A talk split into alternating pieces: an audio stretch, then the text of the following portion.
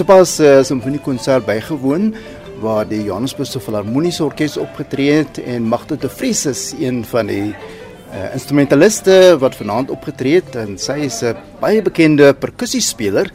Magda, jy het nou vanaand die keteltrom of dan nou die polka soos dit ook bekend is, het jy nog gespeel.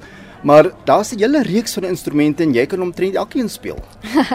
ja, nee, kyk, die die die groep of familie van slaginstrumente is is regtig waar reusagtig groot.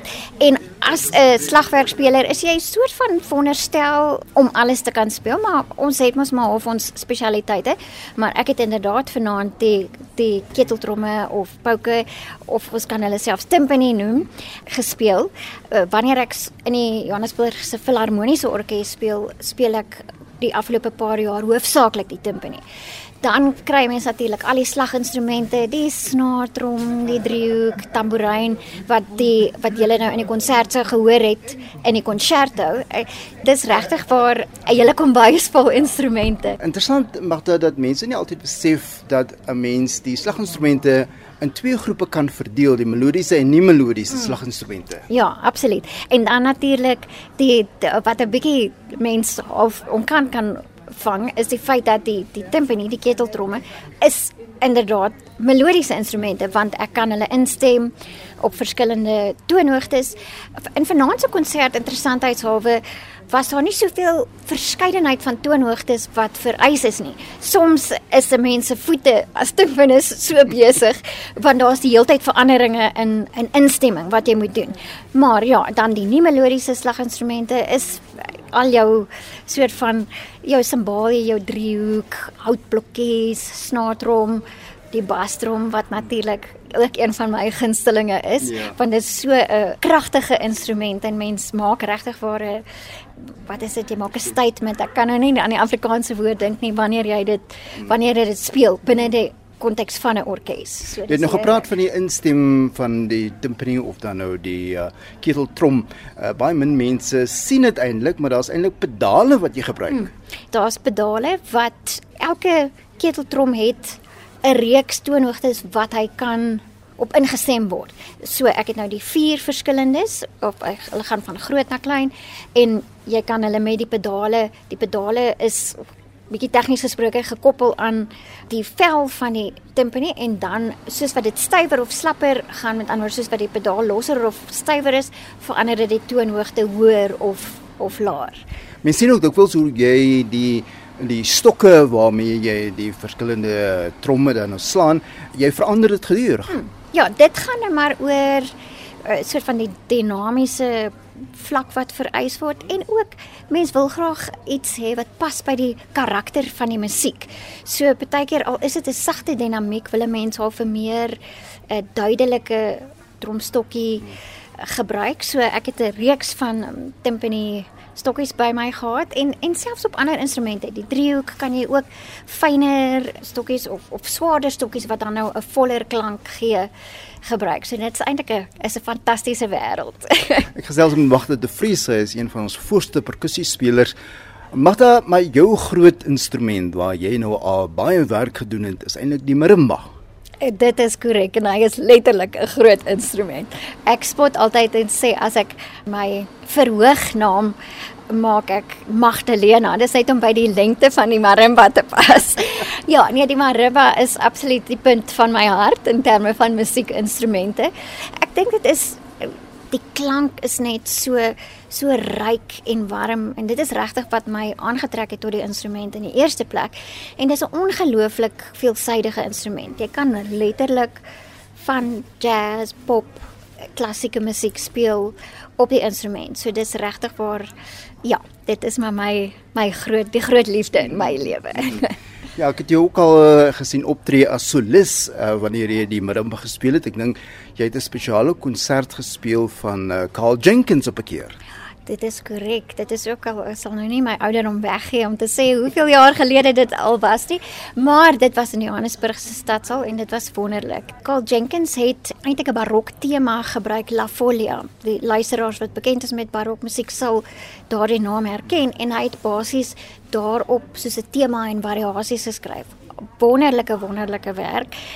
Wat eintlik jammer is dat ons dit nog nie weer uitgevoer het nie. So um, ek hoop die mense wat die besluite maak luister ook na hierdie opname.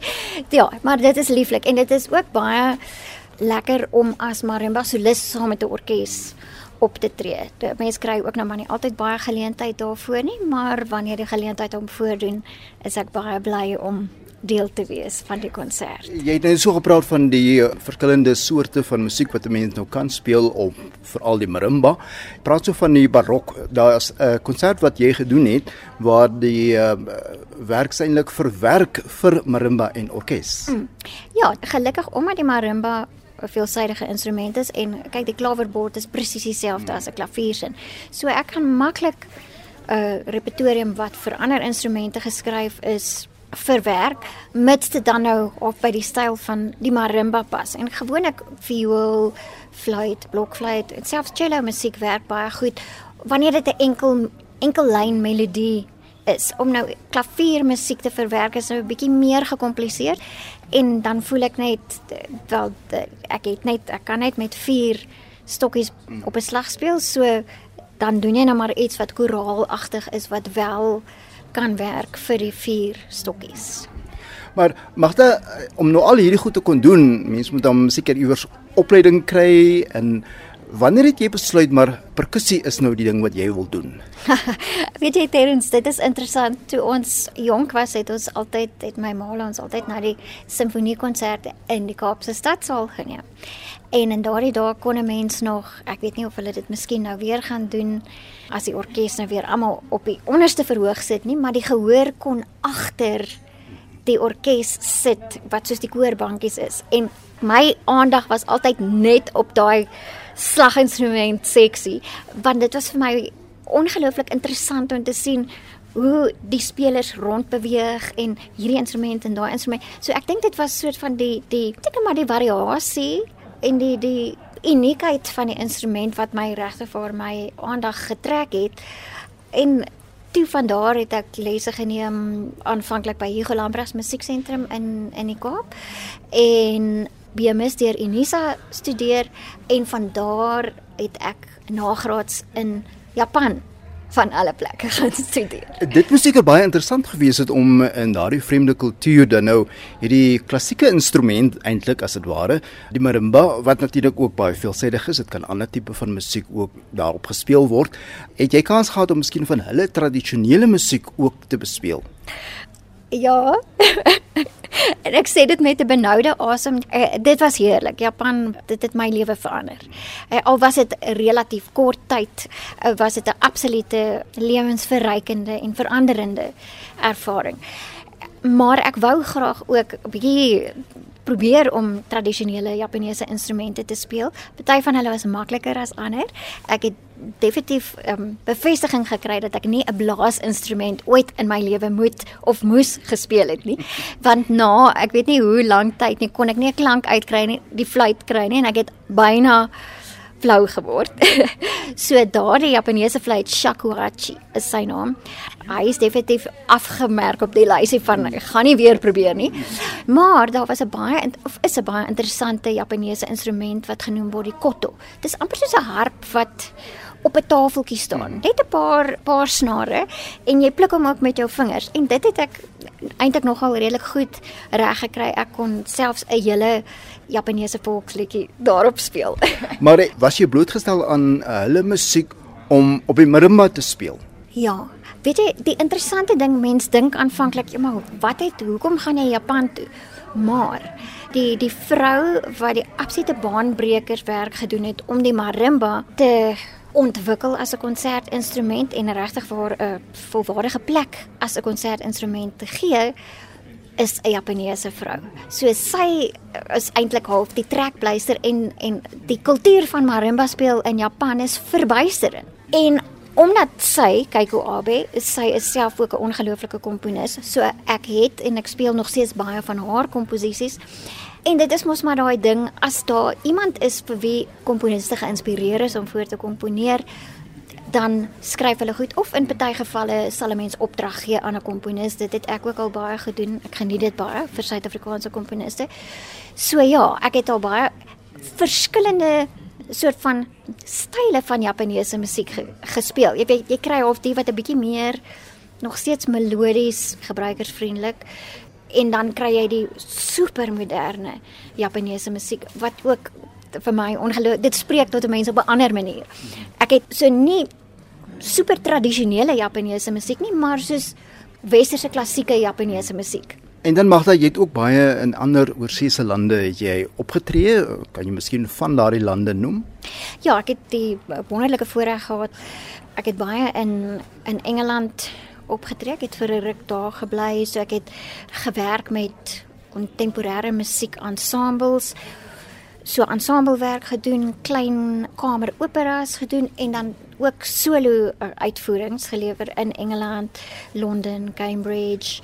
Ek het ook natuurlik in Japan self ook solo optredes gedoen en ook die geleentheid gehad om in een van die groot Japaneese orkeste te kon speel want my onderwyser was die die timpanist van die orkes so so dit is regtig vir altyd heerlik om om daardie geleentheid te hê om verskillende plekke te kan optree en en blootgestel te word aan ander kulture want dit beïnvloed jou as musikant en jou spel natuurlik weer op die ou end.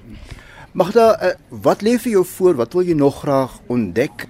Ja, dis maar altyd 'n moeilike vraag. Ek dink mens jy weet jy wil graag nog uh, fyner nuances van jou spel aanwerk vervolmaak as ek dit nou so kan sê ons is almal mense so mense is nooit perfek of eh, volmaak nie.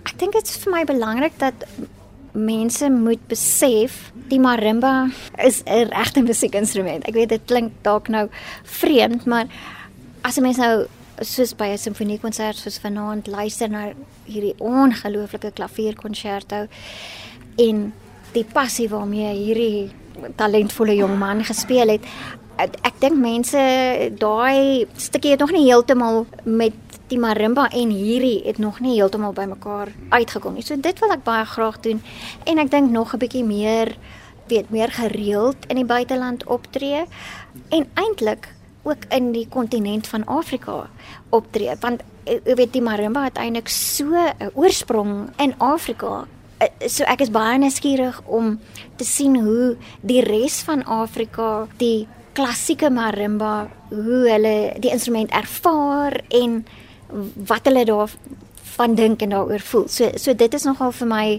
iets wat ek op my to-do list het. Mag dit te vries dit was sommer baie lekker om met jou te gesels vanaand. Uh, ons het 'n bietjie meer uitgevind oor die perkussie instrumente, maar ook baie geleer omtrent jou passie en dit is natuurlik vir die marimba. Baie dankie Terrens, altyd lekker om met jou te gesels. Thank you.